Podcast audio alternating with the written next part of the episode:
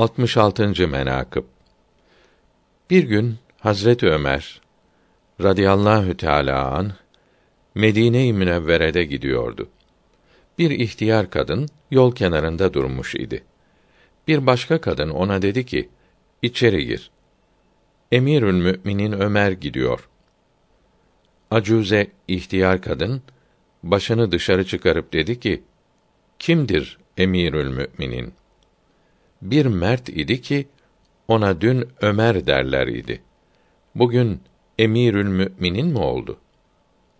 Ömer radıyallahu teala an hazretleri o sözü işitti.